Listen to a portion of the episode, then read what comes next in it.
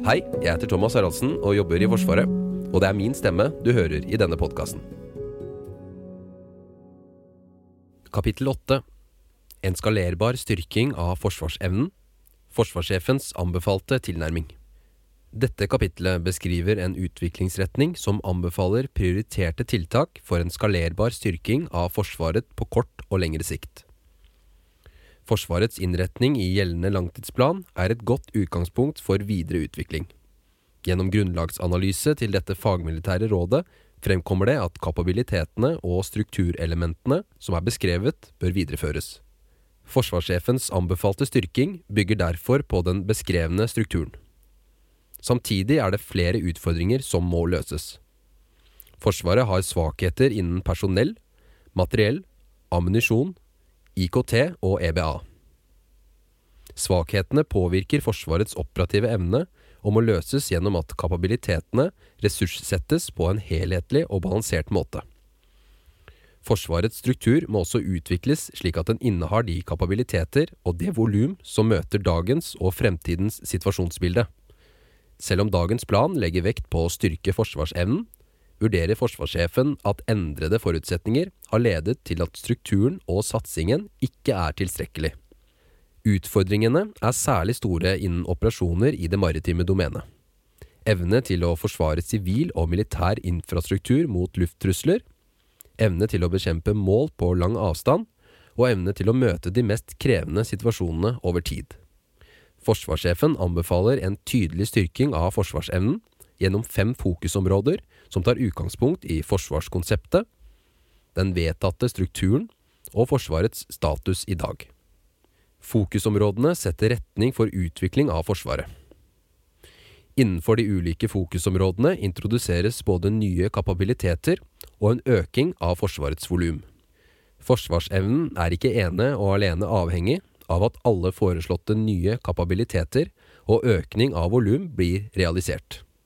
Det norske forsvarskonseptet innebærer at Norge som nasjon ikke vil møte en motstander alene. Gjennom vår alliansetilknytning vil alle angrep på Norge bli møtt med motstand.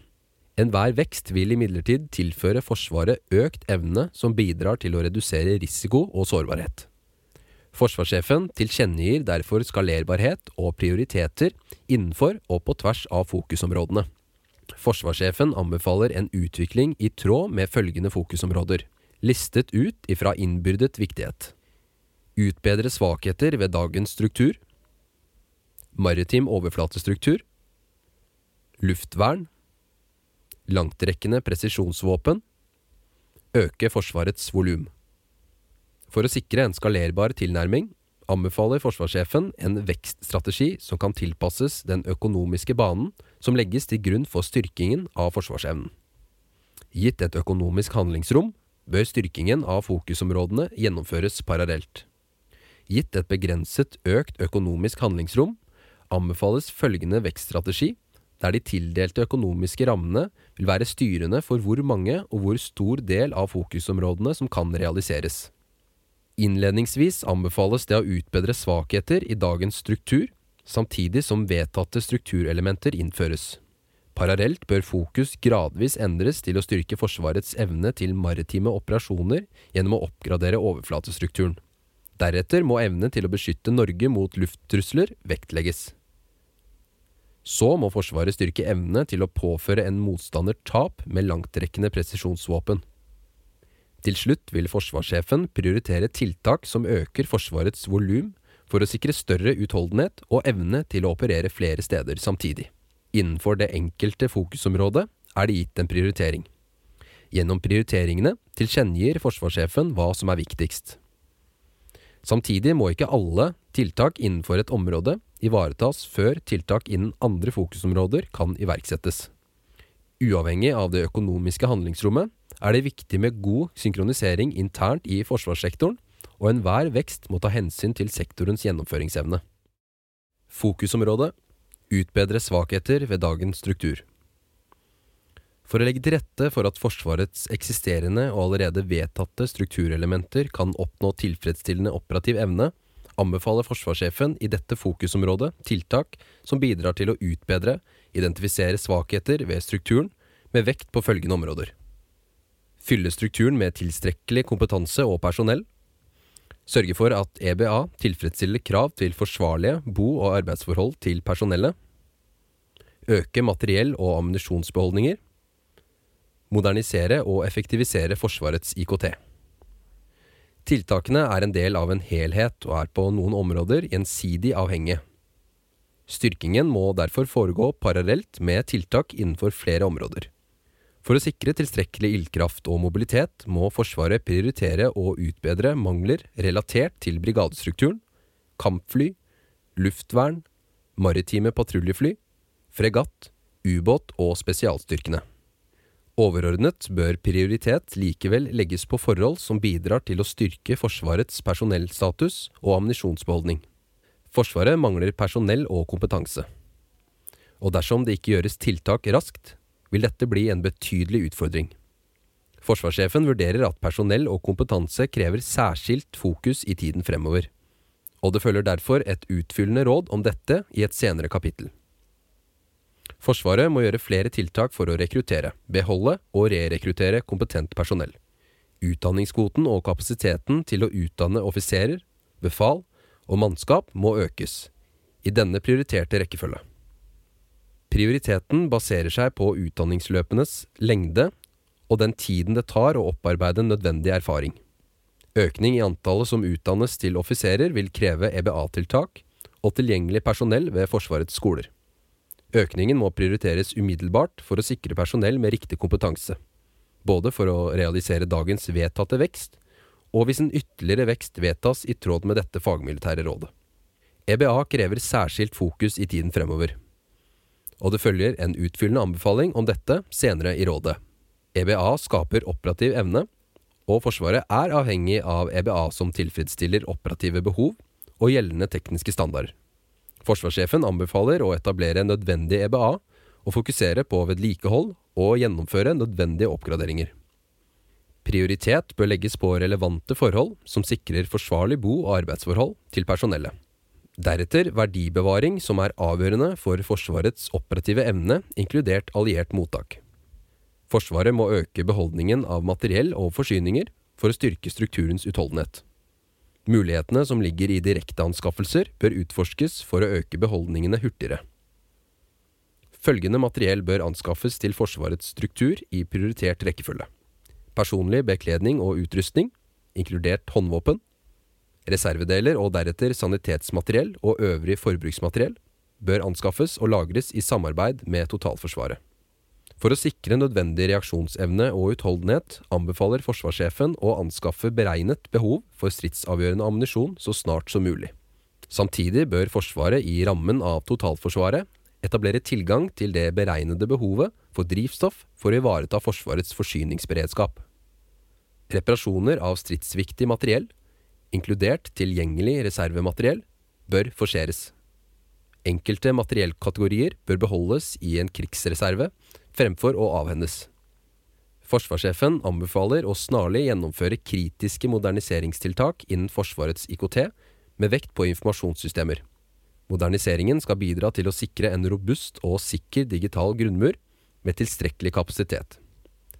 Kapasiteten til å gjennomføre cybersikkerhetstiltak og defensive cyberoperasjoner bør også økes for å ivareta handlefriheten i cyberdomenet.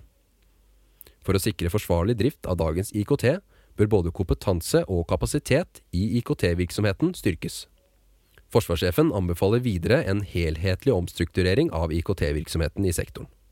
Forsvarssektoren bør vurdere å konsolidere og samle virksomheten i en organisatorisk enhet med en felles ledelse med ansvar og myndighet for styring av IKT-organisasjonen eksempelvis underlagt forsvarssjefen.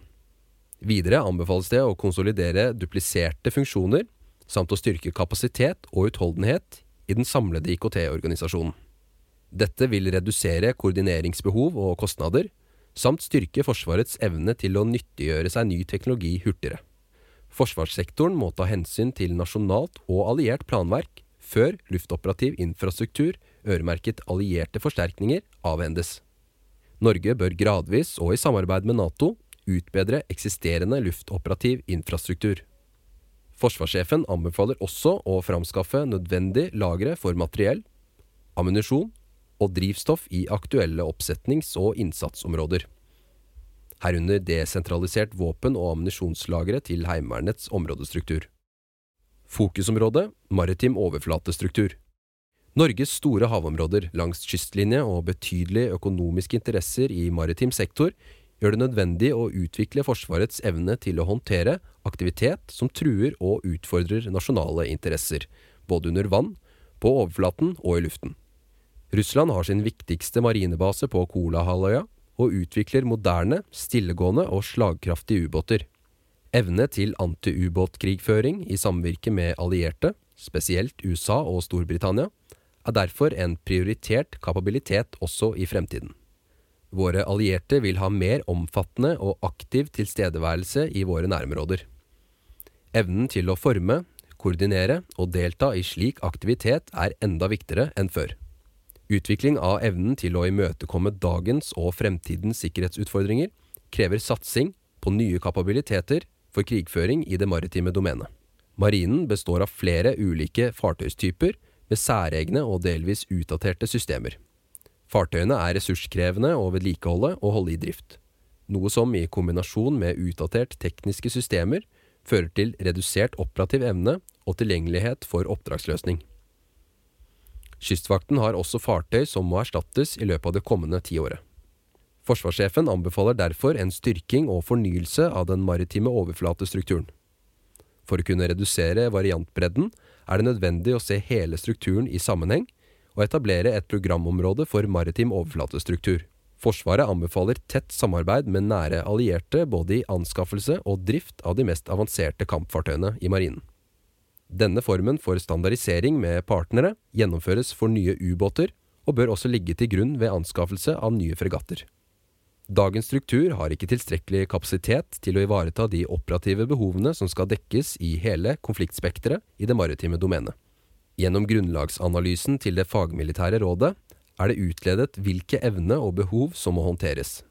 Antallet fartøyer som anbefales anskaffet til Forsvaret, er basert på en vurdering av drifts- og levetidsomkostninger, og at de mest krevende oppdragene i våre havområder vil foregå i en alliert og fellesoperativ ramme.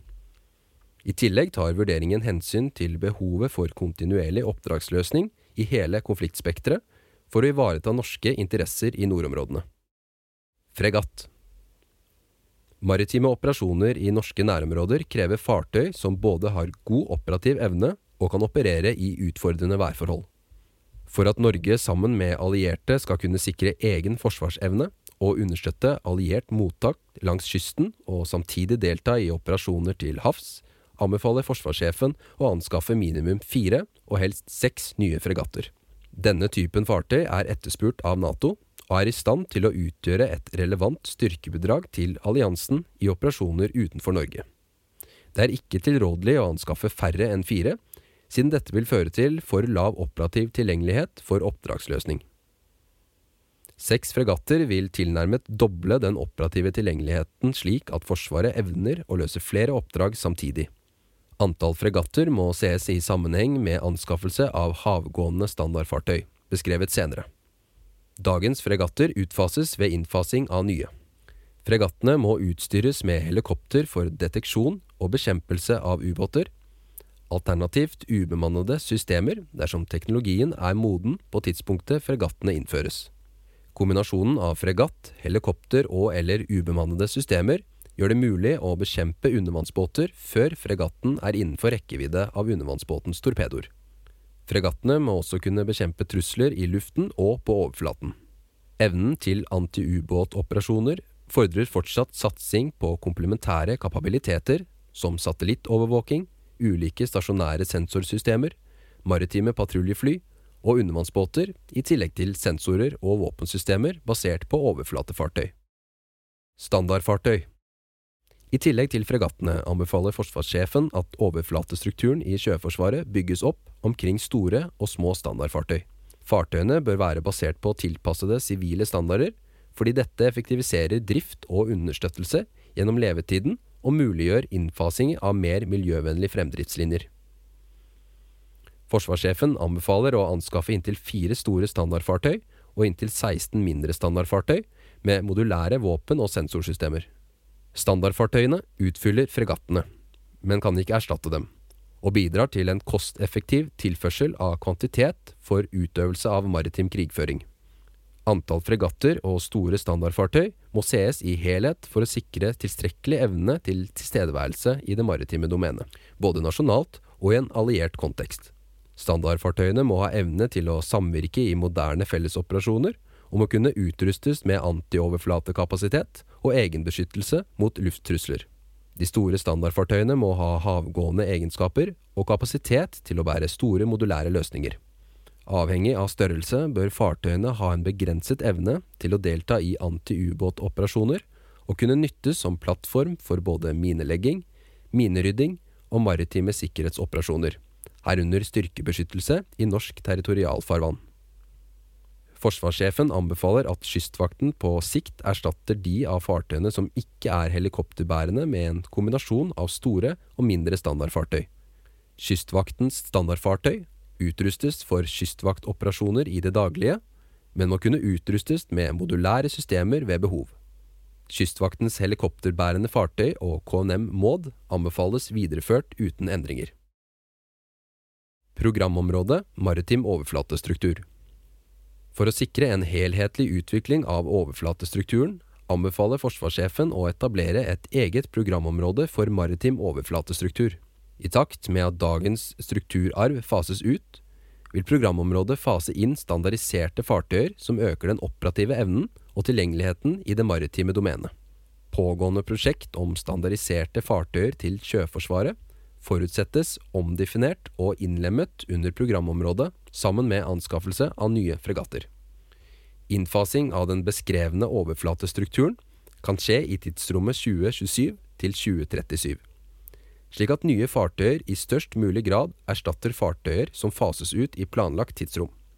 Det anbefales en fleksibel og trinnvis erstatning av dagens overflatestruktur, der de økonomiske rammene for programområdet er styrende med hensyn til innfasingstakt og totalt antall fartøyer. Programområdet anbefales tilleggsfinansiert, gitt det økonomiske omfanget av tiltaket. Forsvarssjefen anbefaler at programområdet realiseres i følgende rekkefølge. 1. Starte en gradvis innfasing av nye standardfartøyer etter hvert som eksisterende fartøyer av ulik klasse må fases ut. 2. Parallelt med innfasingen av standardfartøy kun gjennomføre tiltak slik at fregattene av Fridtjof Nansen-klassen tilfredsstiller alternativet sikkert seilas i henhold til supplerende alternativsanalyse P6096, inntil disse kan erstattes av nye fregatter. Tiltakene utgjør i hovedsak strengt nødvendige tiltak for å opprettholde klassesertifikat og HMS-krav, samt opprettholdelse av skipsteknisk tilgjengelighet frem til 2035. 3. Starte en gradvis innfasing av nye fregatter til erstatning av Fridtjof Nansen-klassen. Fokusområde luftvern. Våpenutviklingen gjør det mulig å ramme mål i hele Norge med kryssemissiler, ballistiske missiler og ubemannede luftsystemer. Noe som er tydelig demonstrert i flere konflikter de siste årene. Motstandsdyktighet og evne til å beskytte kritisk militær og sivil infrastruktur mot trusler fra luften krever en lagdelt tilnærming med en kombinasjon av luftvernsystemer med forskjellig rekkevidde og egenskaper. Luftvern bidrar også til å øke overlevelsesevnen til Forsvarets styrker, særlig store og statiske strukturer som flybaser.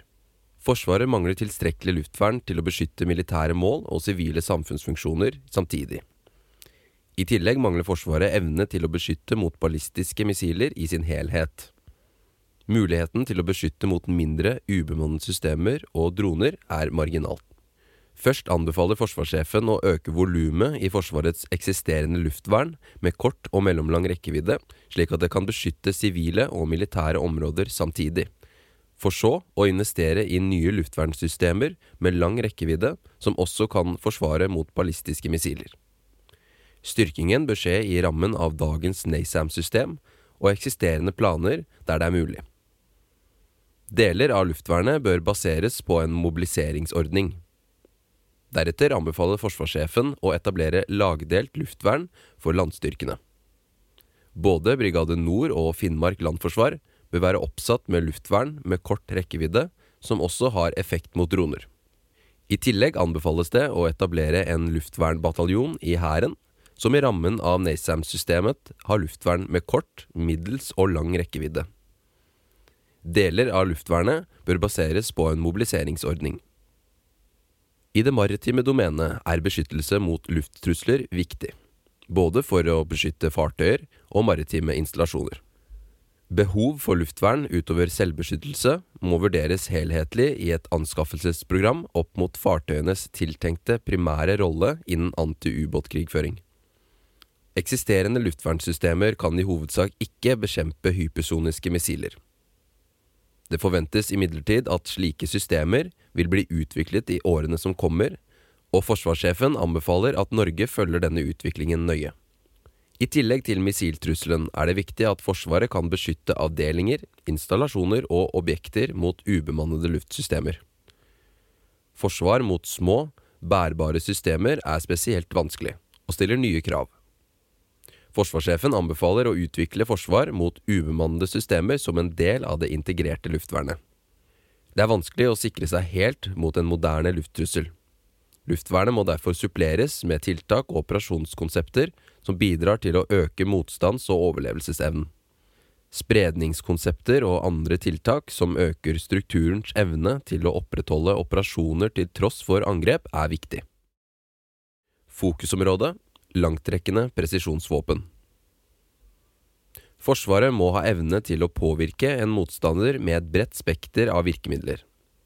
Mulighet til å slå tilbake blir særlig viktig i kamp mot en motstander som opererer flere typer langtrekkende våpensystem.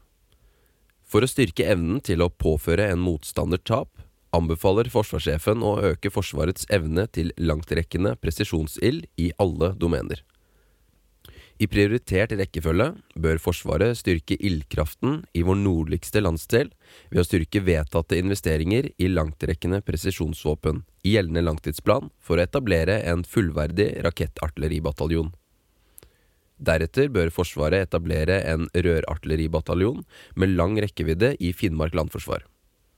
I det maritime domenet må en fremtidig overflatestruktur innrettes mot å kunne levere langtrekkende ild. Kampflyene må så, i tillegg til den vedtatte anskaffelsen av Joint Strike-missiler, beskyttes med relevante våpen som radarheimende missiler for å øke evnen til å bryte gjennom motstanderens luftvern.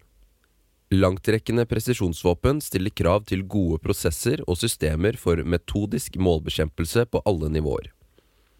Forsvaret må ha tilgang til sensorer som kan finne mål i en motstanders bakre område og informasjonen må kunne benyttes raskt av våpenplattformer og beslutningstakere. Spesialstyrker kan bidra med målfatning mot mål på dypet, og disse har høy evne til å ta i bruk ny teknologi som kan bidra til å utnytte effektene av presisjonsvåpen uavhengig av plattform. Sensorer og kommunikasjonsbærere i romdomenet er særlig viktig i denne sammenheng. I tillegg kan operasjoner og bruk av langtrekkende ild mot motstanderens bakre områder støttes og forsterkes gjennom operasjoner i cyberdomenet og det elektromagnetiske spektrum. Fokusområde øke Forsvarets volum. Forsvarets volum bør økes i alle domener for å styrke kampkraften og legge til rette for effektive fellesoperasjoner, utover styrkningen beskrevet i de andre fokusområdene. Økt volum gir mulighet til å kraftsamle styrker mot de viktigste oppgavene og evne til å operere i flere områder samtidig, både ute og hjemme. Større volum gir også Forsvaret nødvendig utholdenhet til å holde operasjoner av både lav og høy intensitet gående over tid.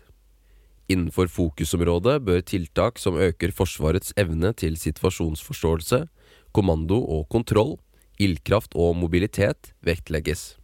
Forsvarssjefen anbefaler derfor at følgende tiltak prioriteres avhengig av de tildelte økonomiske rammene. Styrking av elementer innenfor helhetlig etterretning, elementer innenfor cyber- og romdomene, anskaffelse av nye helikoptre, øke antall ubåter, etablering av en mobiliserbar brigade og styrking av luftvarslingskjeden. I tillegg skisserer fokusområdet ytterligere forslag som bør realiseres forutsatt et økonomisk handlingsrom.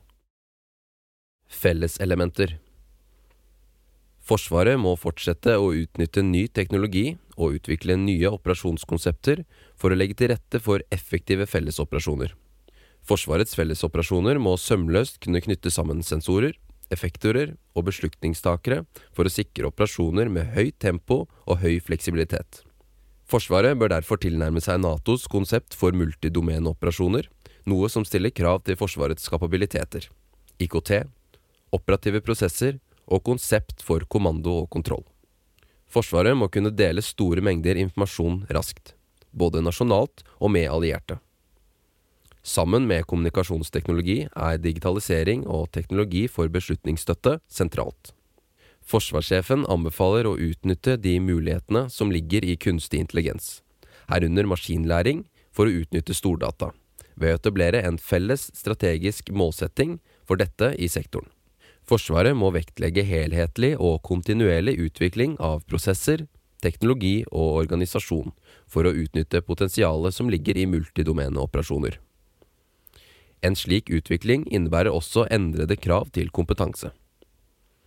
Norge bør ha ambisjon om å kunne lede allierte styrker opp til det Nato kaller små fellesoperasjoner, på eller i tilknytning til norsk territorium, både på fellesoperativt og taktisk nivå. Forsvarssjefen anbefaler å styrke Forsvarets evne til helhetlig etterretning. En fortsatt satsing på etterretning er vesentlig for nasjonal situasjonsforståelse, noe som igjen er premissgivende for Forsvarets beslutningsprosesser og operasjoner. Forsvaret må videreutvikle sin evne til å innhente data og informasjon om trusselaktørens militære kapabiliteter, operasjonsmønster og intensjon, og analysere informasjonen og rettidig formidle etterretning til relevante mottakere. Dette krever en satsing på kompetanse, digitalisering og sensorer. Forsvarssjefen anbefaler at spesialstyrkene videreutvikles med fokus på kvalitet og kompetanse. Spesialstyrkene bør kraftsamles til de fire basene Rena leir, Haakonsvern, Karl Johansvern og Ramsund. Forsvaret må styrke evnen til å lede spesialoperasjoner nasjonalt og i rammen av Nato, samt styrke evnen til å integrere med allierte spesialstyrker. Ledelse av Forsvarets spesialstyrker må videreutvikles og samles til ett fullverdig ledelseselement som kan ivareta nasjonale og allierte behov. Spesialstyrkene karakteriseres av høy evne til hurtig utvikling, utprøving og innføring av ny teknologi. Dette særpreget må videreføres og styrkes. Forsvarssjefen anbefaler at Forsvarets evne til å gjennomføre spesialstyrkeoperasjoner styrkes ved å erstatte dagens aldrende Bell 412 med nye helikoptre. Forsvarssjefen anbefaler å øke Forsvarets evne til å gjennomføre elektromagnetiske operasjoner i alle domener. Først og fremst må den faglige ledelsen styrkes og kompetansen i sentrale deler av strukturen må økes. I tillegg må evnen til å lede elektromagnetiske operasjoner og opprettholde situasjonsforståelse styrkes ved de operative hovedkvarterene. Særlig gjennom å sluttføre etableringen av Senteret for elektronisk krigføring ved Forsvarets operative hovedkvarter. Til slutt må Forsvarets avdelinger ha evne til å utnytte det elektromagnetiske spektrum, og beskytte seg mot elektromagnetiske trusler, og dette bør vurderes særskilt i enkelte materiellanskaffelser. Forsvaret må øke sin tilgang på treningssystemer som kan understøtte trening og øving innen offensiv og defensive elektromagnetiske operasjoner. Forsvarssjefen anbefaler å styrke evnen til å understøtte allierte operasjoner i Norge og våre nærområder. Forsvarets evne til å lede mottak, oppstilling og videre fremføring av allierte styrker bør styrkes.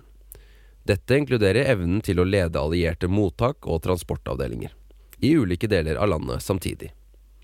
Alliert mottak og understøttelse er gjenstand for et utfyllende råd i et senere kapittel. Forsvarssjefen anbefaler å øke evnen til luftmedisinsk evakuering gjennom innleie av sivile kapasiteter tilsvarende SAS-avtalen. Kapasiteten for bemanning og utrustning av luftevakuering må styrkes tilsvarende. Videre bør Forsvaret styrke evnen til å behandle og forflytte et stort antall pasienter gjennom forhåndsrekvirering av infrastruktur og utstyr i utvalgte områder. For understøttelse av hele behandlings- og evakueringskjeden anbefales det å etablere et eget kompani for å sikre etterforsyning av legemidler, medisinsk forbruksmateriell og blodprodukter med utgangspunkt fra sentrale lagringssteder. Angrep med kjemiske, biologiske, radiologiske og atomvåpen, CBRN, er utfordrende å håndtere. Krigen i Ukraina har bidratt til å igjen aktualisere bruken av atomvåpen, og respekten for konvensjoner, rustningskontroll og ikke-spredning er redusert. Krigføring ved atomkraftverk viser at risikoen for uintenderte hendelser er økt. Forsvarssjefen anbefaler derfor en ytterligere styrking innen CBRN-forsvar utover det som ble vedtatt i gjeldende langtidsplan. Sverige og Finlands Nato-medlemskap legger til rette for tettere nordisk samarbeid innen CBRN-forsvar, f.eks. samarbeid innen kurs, øvelser og materiellanskaffelser. Cyberdomenet Rask teknologisk utvikling og digitalisering gjør at IKT går fra å hovedsakelig legge til rette for fellesoperasjoner til å bli en forutsetning. Forsvaret har behov for å øke organisasjonens kompetanse innen IKT-området for å følge utvikling innenfor multidomenoperasjoner og legge til rette for effektiv modernisering og digitalisering av Forsvarets virksomhetsstyring. Forsvarssjefen anbefaler at den digitale grunnmuren tilføres moderne plattformer som bl.a. kan benytte kunstig intelligens og maskinlæring for å utnytte stordata til å understøtte Forsvarets operative prosesser og operasjoner, f.eks. metodisk målbekjempelse. En slik modernisering vil også legge til rette for effektiv utnyttelse og beskyttelse av cyberdomenet og digitale verdikjeder. Redundansen og kapasiteten i kommunikasjonssystemene økes for å gi mulighet til å utnytte ny teknologi best mulig. Forsvaret må særlig øke kapasiteten innen satellittkommunikasjon, og 5G bør innføres som supplerende kommunikasjonsbærer. For å øke reaksjonsevnen og mobiliteten til Forsvarets avdelinger anbefaler forsvarssjefen å øke kapasiteten innen mobil og deployerbar IKT. Forsvarssjefen anbefaler å etablere flere tilknytningspunkter til Natos nettverksstruktur for å sikre tilstrekkelig redundans i sammenknytningen med Nato, og for å øke kapasiteten til å understøtte operasjoner utenfor Norge. Romdomene Romdomenet vil få økende betydning for Forsvaret. Forsvarets kompetanse innen operasjoner i romdomenet må styrkes, og forsvarssjefen anbefaler å videreutvikle og styrke evnen til å planlegge, gjennomføre og koordinere operasjoner i rommet. Forsvarssjefen anbefaler å satse ytterligere på rombaserte overvåkningskapabiliteter. En slik satsing vil gi økt situasjonsforståelse i hele Norges interesseområder i alle situasjoner, og legge til rette for bl.a. effektiv metodisk målbekjempning. Forsvaret må ha evne til å forstå situasjonen i verdensrommet, også i samarbeid med sivile myndigheter og internasjonale samarbeidspartnere. Forsvarssektoren må satse på utvikling, anskaffelser og vedlikehold av satellittkonstellasjoner med ulike sensorkonfigurasjoner. Sikker og robust bakkeinfrastruktur som er interoperabel med våre allierte og partnere, er avgjørende og må videreutvikles. Forsvaret er avhengig av rombasert IKT-infrastruktur for sikker og effektiv kommunikasjon. Forsvaret må satse videre på arbeid med å etablere sikker bredbåndsdekning i nordområdene, i samarbeid med kommersielle aktører og internasjonale militære samarbeidspartnere. Det er også et økende behov for tilgang til satellittkonstellasjoner som muliggjør global, sikker kommunikasjon. Bakkeinfrastrukturen på dette området bør videreutvikles, og forsvarssjefen anbefaler å etablere alternativ ankringskapasitet for satellittkommunikasjon. Internasjonal romvirksomhet preges av teknologi som veier mindre og blir billigere. Presset på infrastruktur for oppskyting av satellitter er derfor høy, og Forsvaret må ivareta tilgang til sikker infrastruktur for oppskyting, primært i samarbeid med nære allierte. Landdomene For å styrke Forsvarets evne til å gjennomføre landoperasjoner anbefaler forsvarssjefen at Hæren organiseres med én ledelse med evne til å lede egne og allierte landoperasjoner.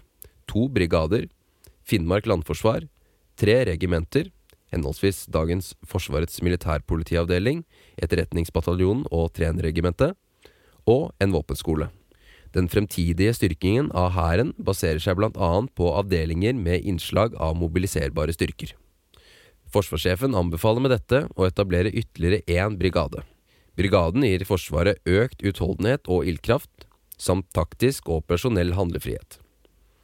Brigaden settes opp på lettpansrede hjulkjøretøy for størst mulig grad av mobilitet over større avstander. Brigaden må basere seg på potensialet vi har i reservestrukturen gjennom mobiliserbare avdelinger. Avdelingen bør settes opp på Østlandet for å sikre tilstedeværelse i begge landsdeler. Forsvaret av vår nordligste landsdel bør styrkes ytterligere i rammen av Finnmark landforsvar. Forsvarssjefen anbefaler tilførsel av ISTAR-kapasitet, ingeniørressurser og én lett infanteribataljon med kystmobilitet, amfibisk. Den lette infanteribataljonen vil delvis være basert på mobiliserbare avdelinger. Finnmark landforsvar vil med dette utgjøre et taktisk samvirkesystem på brigadenivå som bidrar til økt tilstedeværelse og operativ evne i nordområdene, og med en ny evne til operasjoner i kystnære strøk.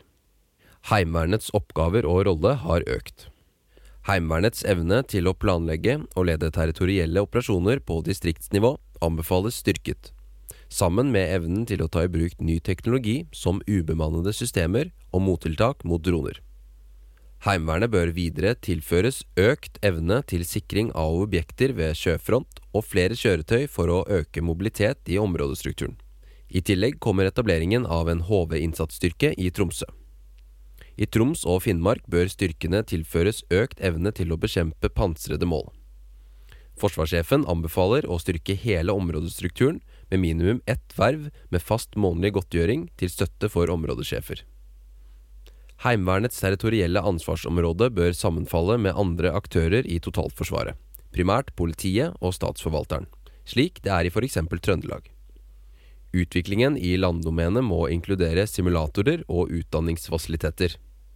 Tiltaket vil bidra til effektivisering og økt kvalitet innenfor utdanning, trening og øving av personell og avdelinger.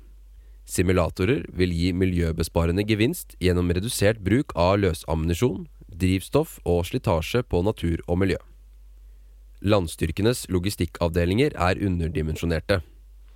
Forsvarssjefen anbefaler å øke evnen til transport av drivstoff og å anskaffe flyttbare tankanlegg til støtte for egne og allierte operasjoner. For å øke kapasiteten til å forflytte tungt materiell bør Forsvaret fornye og øke evnen til tungtransport i Hæren. Videre bør det anskaffes ny kapasitet for transport av egne og allierte styrker på jernbane. Med Natos utvidelse i nord bør denne ressursen ses i en nordisk ramme. Til slutt anbefaler forsvarssjefen å anskaffe mobile landbaserte sjømålmissiler for å øke evnen til sjønektelse fra alle domener. Det maritime domenet. Forsvarssjefen anbefaler en skalerbar fornyelse av både marinens og kystvaktens fartøystruktur, som også innebærer en volumøkning i det maritime domenet, som beskrevet under fokusområdet maritim overflatestruktur. Økningen bidrar til økt tilstedeværelse, evne til parallell oppdragsløsning og operativ tilgjengelighet. Gitt økonomisk handlingsrom anbefaler forsvarssjefen å øke antallet undervannsbåter fra fire til seks. En økning fra fire til seks ubåter har høyere prioritet enn en økning fra fire til seks fregatter. Et økt antall ubåter vil doble den operative tilgjengeligheten. Undervannsbåter er vanskelige å oppdage i neddykket tilstand, og på kort og midlertidig sikt er det heller ikke identifisert teknologi som vil utfordre dette. Styrkingen vil øke Forsvarets evne til å nekte en motstander operasjonsfrihet og øke evnen til å bekjempe motstanderens maritime styrker. Forsvarssjefen anbefaler deretter å gjenopprette evnen til å legge sjøminer fra overflatefartøy, fly og undervannsbåter. Sjøminer er et kosteffektivt verktøy som bidrar til beskyttelse i det maritime domenet. Utover anskaffelsen av selve minene og etableringen av et kompetansemiljø, er dette kapabiliteter som ikke krever betydelige investeringer, fordi man kan benytte eksisterende fly og fartøyer til selve mineleggingen. Nytt minemottiltakssystem er besluttet innført, men det er behov for en styrking av vedtatte investeringsrammer. Videreutvikling og potensialet for hurtig volumøkning må skje i rammen av sivilt-militært samarbeid. Standardfartøy er tiltenkt å kunne støtte og lede systemet, men det skal også kunne operere støtte fra sivile skip og fra land. Forsvaret bør styrke Kystjegerkommandoen som en maritim ISTAR-avdeling, med ubemannede sensorer og effektorer. Styrkingen vil øke Forsvarets evne til å bygge situasjonsforståelse og levere måldata til langtrekkende våpensystemer. Utviklingen i det maritime domenet må inkludere simulatorer og utdanningsfasiliteter. Tiltaket vil redusere behov for opplæring under seilas, og derav gi miljøsparende gevinst og en mer personellvennlig opplæringssituasjon. Forsvaret må utnytte potensialet som ligger i ubemannede systemer i det maritime domenet. Sjøforsvaret har over tid opparbeidet erfaring i bruk av ubemannede systemer til minemottiltak, og er i ferd med å videreutvikle konseptet med ytterligere bruk av ubemannede plattformer for å overta oppgaver som i dag blir utført av bemannede plattformer. Forsvarssjefen anbefaler å følge og bidra til utvikling innen ubemannede systemer i det maritime domenet, og å vurdere å innføre nye systemer etter hvert som teknologien modnes og blir tilgjengelig. Fremtidige fartøyer som det foreslåtte standardfartøyene, vil være tilrettelagt for å bære ubemannede systemer som kan tilføre nye kapabiliteter og økt kapasitet. Ubemannede farkoster er godt egnet til innsamling og kartlegging på overflaten og under vann. Forsvarssjefen anbefaler derfor at det tilrettelegges for en videreutvikling av ubemannede systemer til bruk fra fartøyene og for Kystjegerkommandoen. For å kunne dra nytte av den økte datamengden, må Forsvaret også vurdere behovet for analysekapasitet ved anskaffelse av ubemannede systemer. Maritim industri har over tid utviklet og driftet ubemannede systemer for kommersiell bruk, spesielt i offshorenæringen. Samtidig bidrar relevante allierte nasjoner til utviklingen. Forsvaret bør samarbeide med sivil industri og allierte der det er mulig for å dra nytte av eksisterende kunnskap og erfaring. Luftdomenet for å sikre effektiv kommando og kontroll i alle faser, anbefaler forsvarssjefen at det nasjonale luftoperasjonssenteret utvikles mot å kunne lede både nasjonale og allierte luftoperasjoner i en fellesoperativ ramme i krise og krig. Etter 2025 anbefaler forsvarssjefen å samle nasjonal operativ ledelse av luftoperasjoner på én lokasjon. Forsvaret bør også jobbe mot at luftoperasjonssenteret er interoperabelt med Nato og dimensjonert for å kunne ta et regionalt lederansvar for allierte luftoperasjoner. Dette må ses i sammenheng med mulighet for å etablere et felles nordisk og arktisk lufthovedkvarter. Forsvarssjefen anbefaler å legge til rette for mer effektiv drift av Luftforsvarets luftvinger og flystasjoner. Flystasjonene må styrkes som kampstruktur, og avdelinger og funksjoner som er sentrale for drift av flystasjonene, bør underlegges Luftforsvaret. Som en av Luftforsvarets mest sentrale flystasjoner bør ansvar for flyplassdrift på Evenes flystasjon overføres fra Avinor til Luftforsvaret for å sikre militær kontroll i krise og krig. For å sikre evne til å utnytte det fellesoperative potensialet som ligger i F-35, anbefaler forsvarssjefen å styrke teknisk og IKT-understøttelse av kampflysystemet. Løsninger og innretning av teknisk understøttelse og vedlikehold bør ses mot sivilt-militært samarbeid i både nasjonal og internasjonal kontekst, noe som også gjelder for P8 og nye helikopterkapasiteter. Forsvarssjefen anbefaler at den videre utviklingen av Forsvarets helikopterflåte vurderes helhetlig og baserer seg på én helikopterfamilie. En enhetstilnærming innebærer at fremtidige anskaffelser av antiubåthelikoptre, helikoptre til spesialstyrkene og transporthelikoptre må vektlegge kosteffektiv utdanning, anskaffelse og drift. Anskaffelse av antiubåthelikoptre til Forsvarets fregatter bør ses i sammenheng med Sjøforsvarets fremtidige overflatestruktur. Som alternativ til helikoptre kan et ubemannet system vurderes dersom teknologien er moden på tidspunktet fregattene innføres. Forsvaret bør som hovedalternativ anskaffe helikoptre tilpasset spesialstyrkeoperasjoner, i tillegg til middelstunge transporthelikoptre. Dersom de økonomiske rammene ikke tillater to helikoptervarianter, bør Forsvaret anskaffe et enhetshelikopter som kan dekke både spesialstyrkenes og andres behov. Innenfor helikopter generelt anbefales følgende prioritetsrekkefølge. Anti-ubåthelikoptre, helikoptre tilpasset spesialstyrkeoperasjoner og middels tunge transporthelikoptre. Situasjonsforståelse og reaksjonsevne i norske interesse- og nærområder er avhengig av en effektiv luftradarkjede. For å sikre tilstrekkelig dekningsgrad anbefaler forsvarssjefen å erstatte ytterligere tre Sindre 2-radarer med ny type utover de åtte som allerede er vedtatt, primært gjennom å utløse eksisterende opsjon. Forsvaret bør også investere i et passivt luftovervåkningssystem som kan øke Forsvarets evne til å oppdage og identifisere mål i luften. Den stasjonære luftvarslingskjeden er sårbar for angrep. For å kompensere for et eventuelt bortfall anbefaler forsvarssjefen at Norge, i rammen av Nato-samarbeidet, og gjerne sammen med våre nordiske naboland, bidrar til at det finnes tilstrekkelig kapasitet til luftbåren tidlig varsling og kommando og kontroll. Forsvarssjefen anbefaler å anskaffe en fullverdig simulator for P8 på Evenes.